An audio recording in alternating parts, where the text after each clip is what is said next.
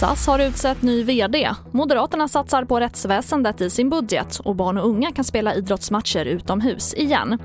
Ja, här är TV4-nyheterna som börjar med att SAS har utsett en ny vd och koncernchef, Anko van der Werf. SAS beskriver honom i ett pressmeddelande som en 45-årig holländare med erfarenhet från den globala flygindustrin.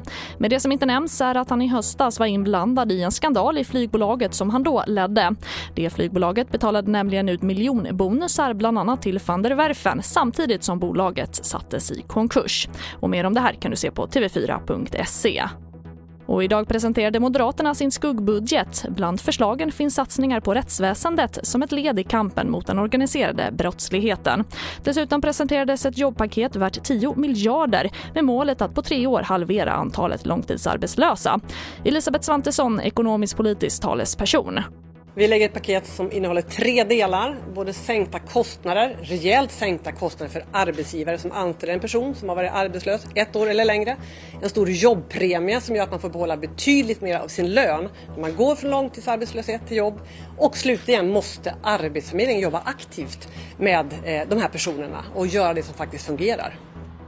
Och vi avslutar med att från och med idag är det möjligt för barn och unga födda 2002 eller senare att spela matcher eller tävla utomhus igen en gång i veckan. Och det ska arrangeras lokalt eller med begränsat resande. Och så här säger Olof Lund från Fotbollskanalen om beskedet. Nej, men det är ju ett vettigt eh, besked att man eh, faktiskt backar tillbaka på det här. Eh. Man har ju fått väldigt mycket kritik och att man inte har ja, visat bollkänsla nog för att förstå att det är viktigt att eh, barn och unga både kan spela match och, och tävla och så.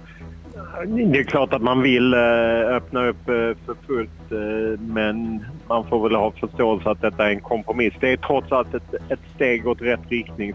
Och det får avsluta TV4-nyheterna. Jag heter Charlotte Hemgren.